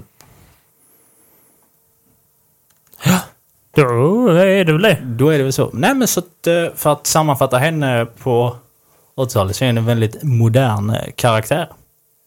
Vi går vidare. Till 1995 och Goldeneye och hör och häpna. Moneypenny har förändrats. Wow! Eh, ja, Biggest plot twist. No one seen it. vi ser tidigt i filmen att eh, Bond försöker där liksom så här. Så här. eh, och hon är typ så här, så här. Vet du vad? Lägg av. Så att det där, och hon säger ordagrant typ så här. Det där kan du bli anmäld för, för så här, sexuella trakasserier. Ah, jävlar. Och, och hon typ så här, så att jag, så att jag vill inte ha att göra med ditt typ så här. Alltså så här, hon kan inte sitta och vänta på att han typ ska göra någonting. Alltså så här för att Nej. de ska bli ett par. Och säger typ så här att jag ska ut på någon dejt. Ha det bra. Det är typ Det, det är väldigt tydligt, alltså så här från 90-talet, just så här, eftersom att man pratar om sexuella trakasserier på arbetsplatsen och sen säger hon det ordagrant. Det är ingen foreshadowing precis. Ja. Huh. Och likadant, M, som vi nämnde tidigare i Dr. No, Mm. eh, är ju då James Bonds boss. Och har nu för första gången blivit utbytt till en kvinna. Judy Dench. Precis. Dame Judy Dench. Precis. Och även hon påpekar så tidigt i filmen typ så att hon, så här, hon tycker inte om James Bond för att han är typ så här en dinosaurie. Så här, din, ditt beteende, hon säger, kallar honom för dinosaurie och är typ så här, din, så här, det du håller på med det är så här från en svunnen tid. Så att det, så här, det funkar inte längre. Det vill verkligen påpeka att eh, för de vill behålla karaktären Bond som han är. Men påpeka att det är fel. Ja. Typ. Ja, precis. Och det här är det verkligen så att karaktärer, så här, kvinnliga karaktärer verkligen säger till honom så att du, så här, ta dig samman. Skärp dig. Så det, är- det, är, så här, det är väldigt tydligt att så här, det här är en film som reflekterar samtiden via då Moneypenny och eh, M. Men sen är det ytterligare två kvinnliga karaktärer. Den ena är skurken Onatop. Nu är vi tillbaka till de här lite roliga snusknamnen. On-a-top. Ja, Varför är det snuskigt? men vad tror du? On-a-top. Ja, hon är på toppen. Du vet, Men det, ja, men du tänker på just det typ. Just det topp. Eller? nej, hon ligger överst. För att hon, Ja, men men det hade kommit så här för att hon... det är ju, det, förlåt, men det är väl jävligt långsökt det ska bli sexuellt. Det är det väl inte. On-a-top. Om vi tänker på vad de andra kvinnorna heter så här med Pussy Galore Fast det är och bara Honey Pussy- Rider. Nej, han är ju Ryder fine. Eh, Men Ryder, ja, det är väl Ryder du tänker på som är sexuellt. Ja. Och Honey kallar man Och där har varit så här fler i filmerna som vi inte har pratat om. Men on a top. Ja, alltså det, ja, Hon det, det går ju att dra dit, men... Nu, eh, tänk, jag tänker... On, eh, alltså att man är liksom på toppen av någon form av kedja, Mm. boss, någonting. Men om vi också så här, det enda hon, hon är typ en spegling av gamla Bond för att hon använder så här sex för information. Och det är inte så här bara, alltså så här, det är ren och skär våldtäkt. Åh oh, jävlar. Och hon sitter på toppen och typ, alltså hon sitter överst och typ så här klämmer ihjäl folk med sina lår. Det, och du tycker så här att namnet, "Ah, det är bara en lycklig slump. men kanske inte, men det är inte det första man tänker på. Lite kontext bakom så fine. Ja, men du fick inte höra kontexten för du var så snabb och bara... Jag kan, man ska inte tro på... Tänk så är det, sa Arton. Ja. Så är det. Ja. Men jag kan tycka att hon på något vis blir lite så här, inte jättemodern. Men samtidigt så kan man ju se henne som motpolen till, alltså så här, att det här är vad Bond brukade vara. Och när man ger, så här, när den karaktären blir ond, så kan man lite så här se, Så blir det en kvinna, eller vad? nej så ser man så här problematiken med det på ett annat sätt. Ja. Eftersom att Bond alltid så här, när man ser honom göra det så är det ju typ så här för att vi vet att han ska stoppa typ världen från att så här, Ja, under. det är okej att han sexuellt utnyttjar den kvinnan. Han kommer ju rädda alla andra sen. Mm. Då. Ja. Typ. Ja, men det, ja. Eh, och sen Skäligt. ja. Nu ska jag se vad den, vad Bondbruden heter. Jag har tappat namnet helt. Jag har så många namn i huvudet. Hon heter Natalia Simonova. Oh, ryskt. Och hon, ja, ryskt, Sovjet. Eh, och hon är spetsutbildad inom typ så här, IT. Jobbar typ så här för, Sov- alltså så här för typ försvaret med någonting. Datorhacker. Och eh, hon blir också så här sexuellt trakasserad på jobbet av Boris. Bo- Boris. Om han har fått en femma varje gång man blir trakasserad på jobbet av Boris. Ja. Eh, och hon säger också typ så här till honom, typ så här, "Ey, lägg av. Och han är typ så här äcklig. Och blir sen en del, alltså så här, en del av skurkens plan. Och är typ så här en skurk. Så där ser man lite det här, så här om du... Blir här, han det? Ja. Okej, ja. Eh, ja. nej men det blir lite så här typ att då ser vi typ så att om du, så här, sexuella trakasserier, det är typ där. Alltså då är man dålig. Då är man dålig. Men han gör det inte lika subtilt med, alltså så här, Bonds sexuella trakasserier är väl lite så här. Det är fortfarande sexuella trakasserier, men det är lite så här mer flörtigt. Ja. Medans typ eh, han Boris Ha, typ har, sitter... Bond, har Bond någon sex utan samtycke? Mm, Ja, han... eh, Åh gud, vi, jag kommer inte på vilken film det är. Eh, men där är någon som börjar typ... I början är han typ på ett spa och eh, sen så blir han nästan dödad och sen så typ... eh, eh, någon av de här kvinnliga som jobbar där Han typ bara, ja ja. Som kompensation så får du typ ha sex med mig och hon typ bara, jag vill inte. Och han bara, synd annars kommer jag typ så här stämma er. Va? Ja, men jag tror inte han säger att han ska stämma dem, men alltså det är Ja. verkligen typ så här att man fattar typ att... Utpressning alltså. Ja. Alltså. Kul. Kul. Han var ändå the biggest hjälte under 60 till 80 år. Ja. Men eh, i alla fall, hon, eh, Natalia har då eh, så här, tydligt en spetsutbildning. Reflekterar sin tid. Och sen så påpekar hon de här sexuella trakasserierna. Reflekterar sin tid. Och sen så då när hon är med Bond, så här, för att Bond, ja, alltså så här, väldigt ofta i filmerna är det en så här actionsekvens och de typ så här precis klarar sig. Så rycker han typ lite så här på axlarna och bara, äh, vi, så här, nu går vi vidare med våra liv. Medan hon typ så här påpekar typ bara, ska du inte så här bry dig om mig? Ska inte du typ så här fråga hur jag mår? Alltså så här, för att jag blev nästan skjuten precis. Och han bara, va? Och då, blir, då är det alltså så här, om man har kontexten av att typ så här, att under 90-talet så blir det större fokus på att parrelationer ska vara mer så här jämställda. Ja, just det. Så blir det lite så här, då reflekterar hon även den samtiden. Fan vad spännande att de verkligen, verkligen gör det. Mm. Så att eh, egentligen alla Men kvinnor här reflekterar egentligen sin samtid på ett eller annat sätt, vilket är väldigt eh, spännande. Och i slutet så är det Natalia som är hjälten. Eh, bara för, här måste jag förklara lite så här plotten att eh, med hjälp av så här läskig datorkunskap så ska de då typ förstöra världen eller någonting. Eh, och eh, då har den här Boris gjort så här. Eh, han ska göra någonting med datorn och sen så lurar eh, hon honom. Vilket där vi ser typ att hon som blev så sexuellt utnyttjad vinner över honom och räddar dagen. Så vi har en ganska så agerande hjälte. det blir bara bättre och bättre. Yes. Och nu har vi bara två filmer kvar. Och vi är inne på 2000. 2000-talet. Yes. 2006 till och med. Och vad heter han? Daniel Craig. 2006 redan? Ja. Shit. Eh, Casino. Royale. Den bästa Bondfilmen. Är det sant? Ja, den är riktigt bra. 2006? I helvete. Vad hette han som spelar innan Craig? Ja, just det. Pierce Brosnan. Pierce Brosnan. Just det. Pierce Brosnan. Han fick inte vara med. Nej. Det är en undersökning. Eh, nej, jag glömde namnge honom. Jag namngav honom först för så att det var lite efter hans kommentar om att... Det är sant. Men nu är vi eh, Daniel Craig. Nuvarande. Mm, Jag tror jag glömde att säga att eh, filmen från 87 spelas av Timothy Dalton. Nu har du sagt det. Ja, vi är väldigt okonsekventa i den här podden. Boom! Kör på Daniel Craig eh, Casino Royale 2006. Yes, eh, där är det två kvinnliga karaktärer. Det är M. Fortsatt eh, det hon var tidigare. Så här, Bonds chef. Väldigt, väldigt, väldigt agerande och sätter så här honom på plats. Hon orkar inte med hans skit. Det så säger hon. Säger han blö så säger hon typ håll käften. Det låter ju som mitt förhållande. Ja, det är väldigt nära sanningen.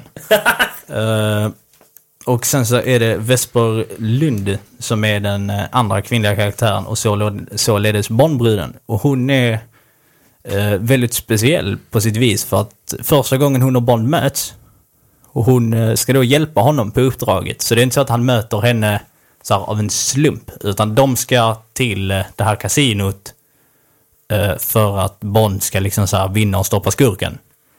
Eh, Så att hon är typ från någon så här myndighet och är väldigt så här högt uppsatt och ska bara se till så att han, han får pengarna eh, från då liksom så här regeringen eller ja, eh, så att han kan tävla och sen ska han se till så att de används till rätt, så att han faktiskt gör uppdraget. Så det är typ egentligen det hon är till för som jag har förstått hennes roll. Eh, och Bond ser ju då en snygg kvinna och försöker så flörta. Och hon är typ så här, så här lägg av. Så att jag faller inte för ditt trams. Jag ser inte... Alltså när jag ser inte Daniel Craig som alltså... Jag kan inte se honom framför mig som så flörtande på. Jag vet inte varför. Jag kan bara inte se det framför mig. Nej, men det beror nog på hur man tänker flört.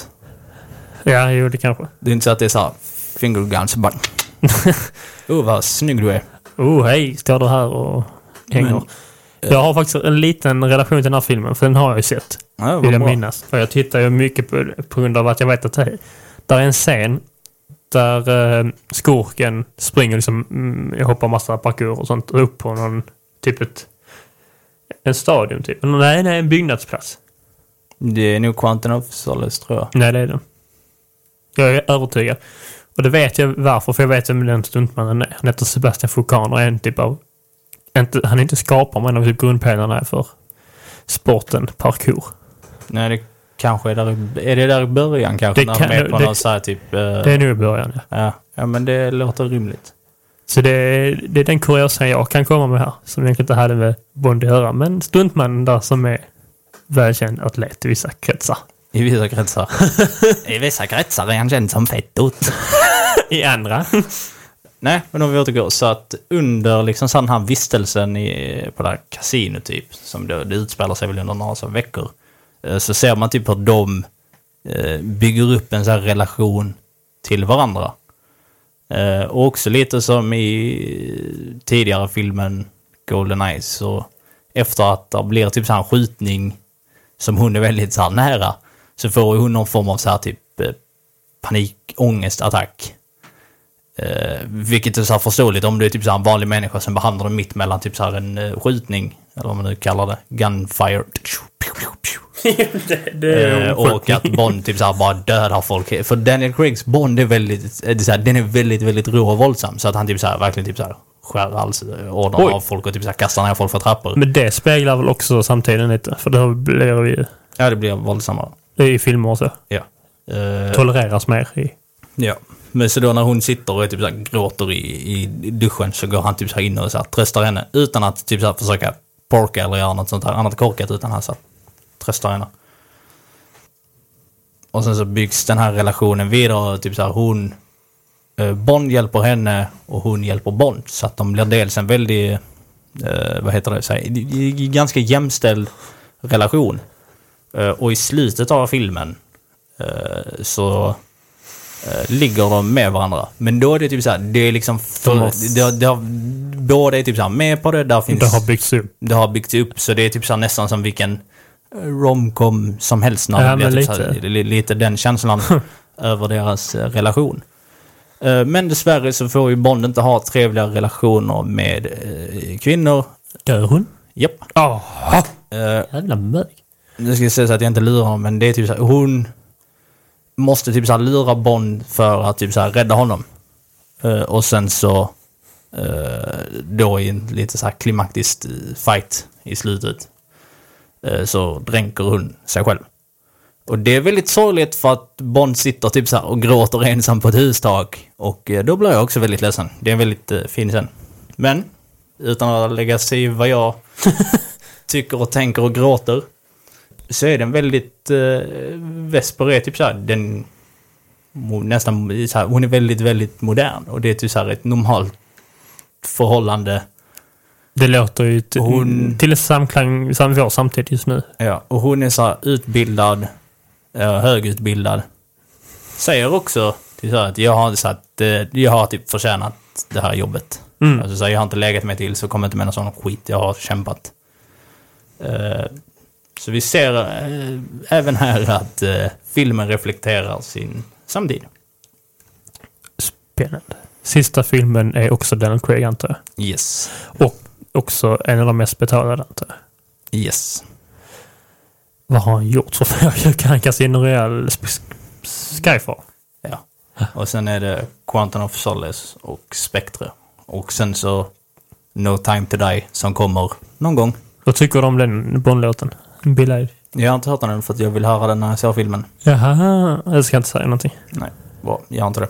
Jag tycker att hon är så ganska bra faktiskt. Bill Eilish är ju den artist som som toppartist nu som både föräldrar och ungdomar lyssnar på. Ja. Men ungdomarna bara nej du fattar inte pappa. Typ. ja. Men man kan också, och någon som både unga och vuxna kan ge lyssna på, så är det Adele som har gjort eh, Mm, låten till Skyfall. Skyfall. Den är jättebra. Den är asbra. Den låter sådär. Detta kommer bli jättekonstigt om du inte gör ditt jobb och klipper in saker. Hur lät den sa du? Så här. This is the end.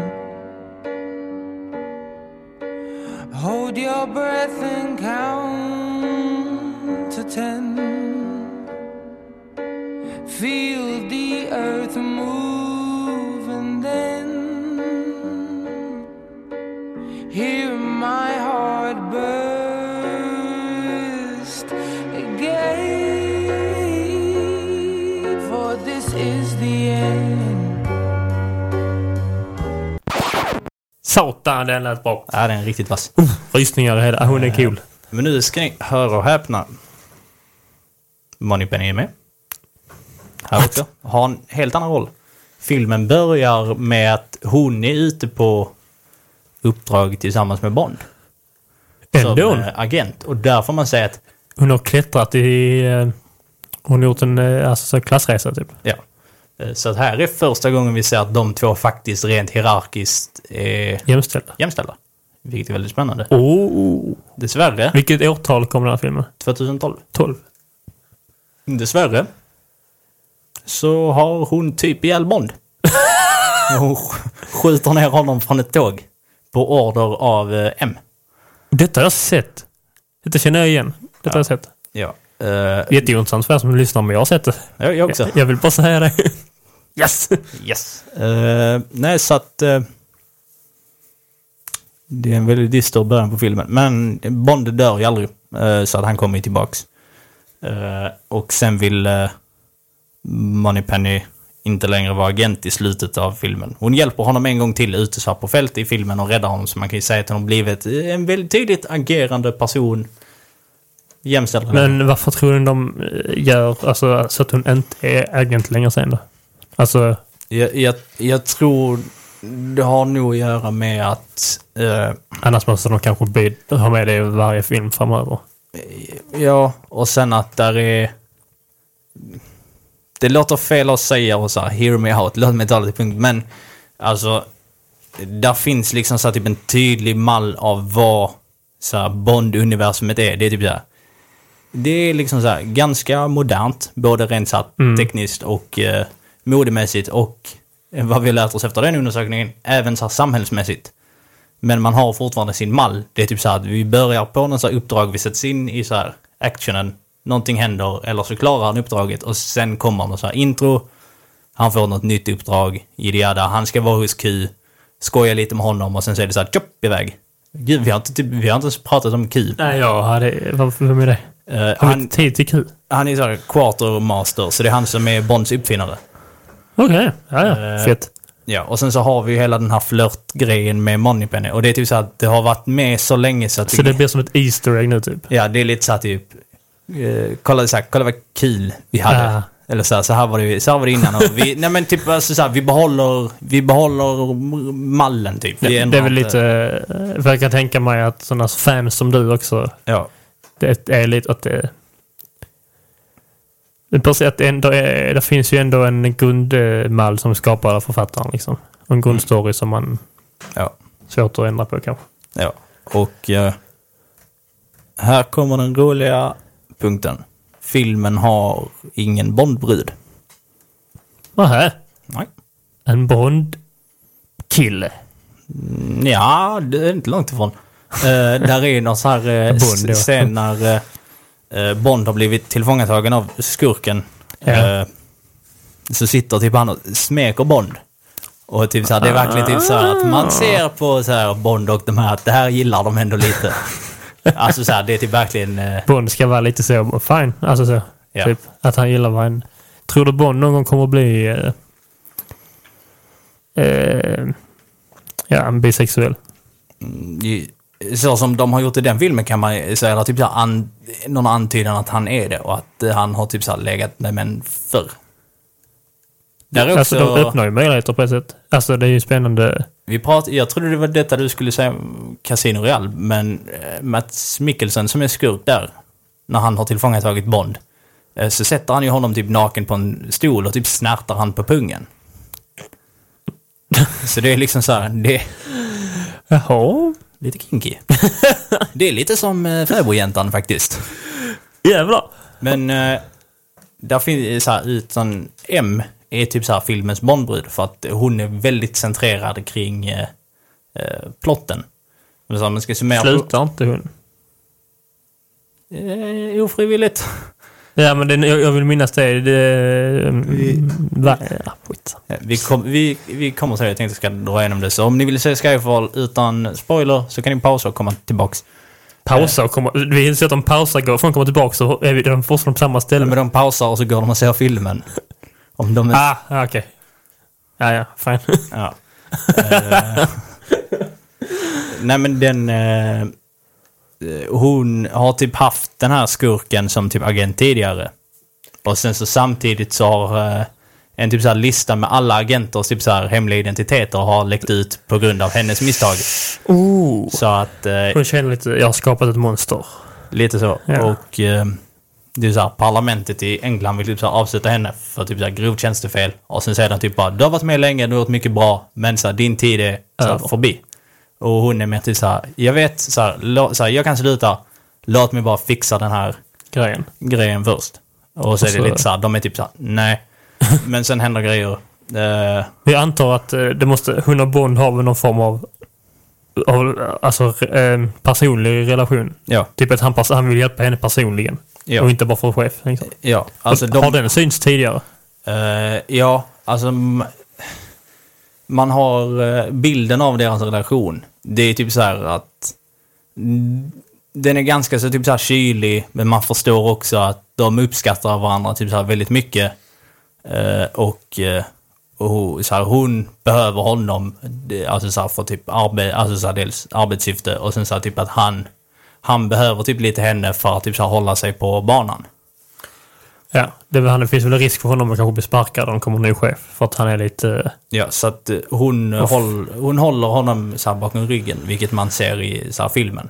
Och Ja. eh, eh, då när så saker börjar gå skit, så hjälper liksom så Bond henne och de typ så flyr i exil för att då lura den här skurken. Och där byggs upp någon form av typ så mamma, mamma-son relation mellan dem som typ så här utvecklas. Vet man något om hans föräldrar? Bond? Ja, Att de dör när han är ung. Okej. Så att han, jag tror det är typ, det är det jag gillar med så här Bond, att vi pratar typ så eh, vi, så här, vi nämner inte vad han har gjort innan, utan så här, typ att Bond är Bond och emellanåt så får man något så här form av fragment av eh, var han kommer, alltså så här, vem han är. Men det måste man, måste man inte få det för att få någon form av karaktärsuppbyggnad? Eller? Nej. Eller det är bara att han är, han är sån här, punkt. Ja, han är så här, att han är sån där. Vi behöver inte veta hur han har, så så här, vi vet att han är sådär, vi behöver inte veta Det hur är han blev det. skönt. Det är rätt många filmer just nu som inte är så. Mm, det, är, det är därför inte... Oh, gud, nu kommer vi in på helt fel... Nu blir vi lite så här eh, popkul... Men... Eh, eh, Netflix har du svårt för. ja, det också. eh, jag gillar Netflix. Men... Eh, Okej, vi tar detta kort. Eh, Han Solo i Star Wars, som är typ den bästa... Så här, han är ju typ egentligen lite så här James Bond-aktig. Att han är typ så här ett rövhål som egentligen inte bryr sig.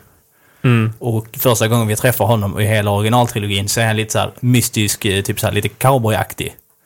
Eh, Så här, vi behöver inte veta om hans förflutet. Vi, ser, vi har honom här och nu och får följa med på den här resan. Vi behöver inte veta vad som har hänt innan. Vi behöver inte veta vad som händer efter. Fuck you Disney för att vi fick veta vad som hände både innan och efter. Men just när, det går, när du har en sån karaktär där det är typ så att, alltså så här, att bakgrunden är ett mysterium. Och du behöver, så här, du behöver inte veta. Det är en del av eh, karaktären. Ja, det är en del av Ja, karaktären. fan. och när du då går tillbaks för mycket och börjar typ så här pilla med massa grejer så går du in och typ så här eh, förstör mysteriet. Mm. Men ja, Så därför tycker jag det är bra att så här, just Ja, det Bond-filmer nog var fett. typ... för då blir Bond Bond. Då blir han Bond-Bond. Så här, Och, vi, och egentligen vill man man vill bara se Bond vara Bond och man bryr sig inte varför eh, han blev Bond. nej, precis. Rimligt. Ja. Tycker du de hade kunnat strunta i det i Batman till exempel? Det, Fast nej, det är, ing- det är väsentligt för han att vilja stoppa bort. mm, det hade varit konstigt om man typ här Ja. bara titta här, killen i fladdermuskostym. Så, Vad gör du? så varför gör du så? Håll käften! Ja, ja, men fortsätt till med Skyfall eh, och Ja. kvinnorna. Ja, och i, ja, i slutet av den filmen så blir hon då dödad av eh, den här skurken. Men det är så- alltså så här, här har vi verkligen haft en så här.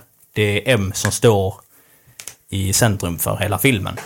Och eh, de har, jag skulle väl säga, inte välfungerande relation till varandra för det har de egentligen. Alltså så här, det har de ju typ aldrig. Och det är verkligen inte, alltså så här, hon är hans eh, chef. Där finns ju Mm. någon viss eh, skillnad däremellan. Men när man ser dem utanför typ så här jobbet, eller vad man ska kalla det, för de flyr ju till Bonds barndomshem i slutet.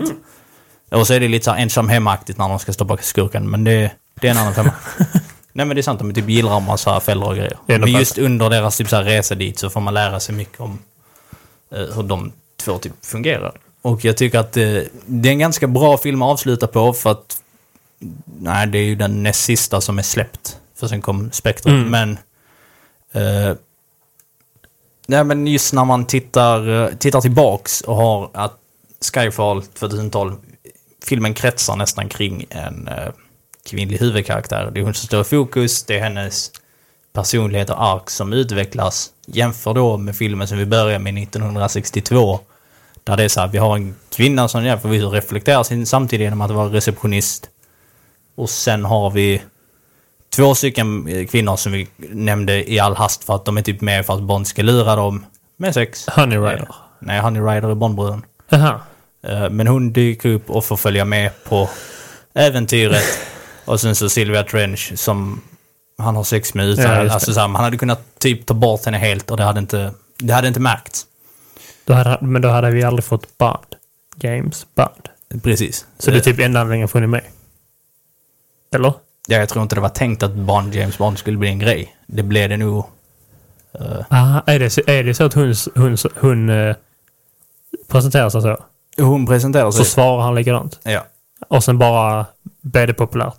Och så skrev de in det? Ja, rimligt ändå. Det är den också typ så här bild. Jag tror att om man har varit inne på sociala medier senast och sett typ så här folk som vill minnas Sean Connery. Så brukar det ofta vara bild när han typ sitter ner vid ett pokerbord och så har han en cigarett som hänger. Typ så här, verkligen. ja. Det är där han Det, säger det. det är en ball bild. Det är en riktigt ball bild. Jag får, jag får gåshud nu bara att tänka på det. Men eh, för att sammanfatta så då stor skillnad ju. Stor Från skillnad. 62 till eh, 12, 2012. Ja. Eh, Som det är, i- är i verkligheten. Men det speglas ju utan tvekan under hela Bond-serien. Ja. Vad fick du för betyg? Kan man, kan man bara få godkänt? Eller ni kan få väl godkänt också? Ehm, jag vet inte. Alltså jag alltså vet ju att fick, jag är alltså, godkänd alltså på det. men- fick han godkänt. Ja, alltså så den är godkänd. Men mer än så har jag inte fått höra om det skulle vara VG eller... Eh, skitbra uppsats. Tack. Eh, jag hade, vet, jag, fan vet jag egentligen? Det var intressant i alla fall. Jag, jag hoppas att eh, ni som har orkat lyssna hela vägen, att ni väl någonstans känner att ni har kunnat hänga med i diskussionen. Det blir lite svårt att sammanfatta åtta filmer och Ja. typ det. Men jag kände att det här är, det är ett arbete som jag är glad och eh, stolt. Och nu, har- nu är det liksom Över. avslutat. Det är avslutat. Skitbra. Eh, för att sammanfatta då så... Eh, som man jämför eh, Skyfall från 2012 och eh, Dr. No Yes. från eh, 62. Yes. Eh, så, eh, så är det enorma skillnader. Yes. Men varenda film speglar ju sin samtid så att det bevisar ju på att, eh, att kvinnorna i Bond-filmerna har speglats av samtiden. Yes. Så det är undersökning. Din teori stämde. Yes. Fan. Tack. Mycket bra jobbat Alexander. Tack. Jag hoppas att ni som lyssnar hade roligt. Och nu, för att knyta ihop den här underbara, goa spionsäcken så ska vi ringa min kära far och höra vad han vet om Fäbodjäntan och vilken hans favorit Bond-film är. Håll till godo.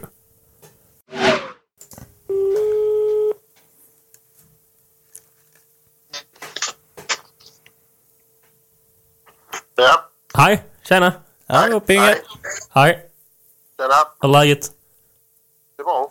Vi har två, eh, vi har spelat in ett avsnitt här om eh, James Bond, eh, Alex eh, examenuppsats. Jag har en fråga så här. Eh, eh, när kom eh, Fäbodjäntan ut?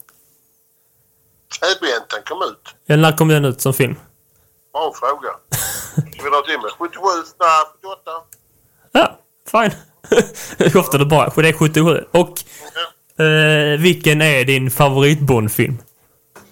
Favorit-Bondfilm? Ja, tycker du om Bond? Ja, ja, absolut, absolut. Favorit-Bondfilm vet jag inte om jag har någon speciellt. Du har ju... Men, pappa, du tar ju aldrig ställning i något. Nej, men alltså det är, det är ganska många. Vi har ju favoritfilm alltså, men på det sättet. Tror jag inte. Uh, Favorit eh, Bond-skådespelare då? favorit, favorit-Bond tycker jag är Roger Moore. Ja. Det var ju under min uppväxt. Så, så Sean Connery 60-talet var jag lite för ung. 70-talet kommer Roger Moore då. Så, så gillar han och gillar Pierce Brosnan också faktiskt. Ja, Pierce Brosnan. blablabla. Jag kan inte säga hans namn, men han har vi inte pratat om idag. Men Roger Moore har kommit upp med det. Vi har nämnt. Roger Moore, han vet.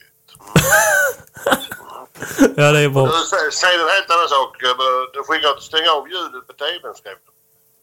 Ja. Det är för fan Idol. Det kan man fan inte säga utan ljud. Jag ska nog inte säga det med ljud. påtvingande. ja, ja, ja.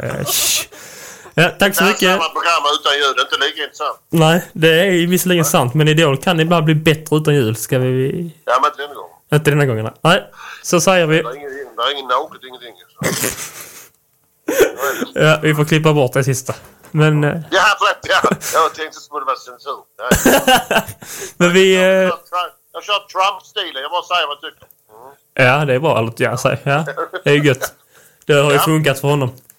Ja, visst har gått bra. Tack så för eh, de här tipsen. 77-78 för de som undrar. Det var bara sån uh, terroristringning alltså. Ja. Mm, Kan du, eh, kan du då säga att alla ska följa oss på Instagram och vad vi heter där och ja, det är det. Och tack för att ni det? Jag vet inte ens vem ni är. Vem är ni? Varför ringer ni till mig? Okej, kan du snälla säga, säga att de ska följa Historia för idioter på Instagram och så... Följ nu Historia för idioter på Instagram. Det är kanon. Ja, det är bra. Jag blir snäll. tack! Eh, ha det bra. Detsamma. Puss. Hej, hej. Och där säger vi hej då till er också. Eh, rulla jingel.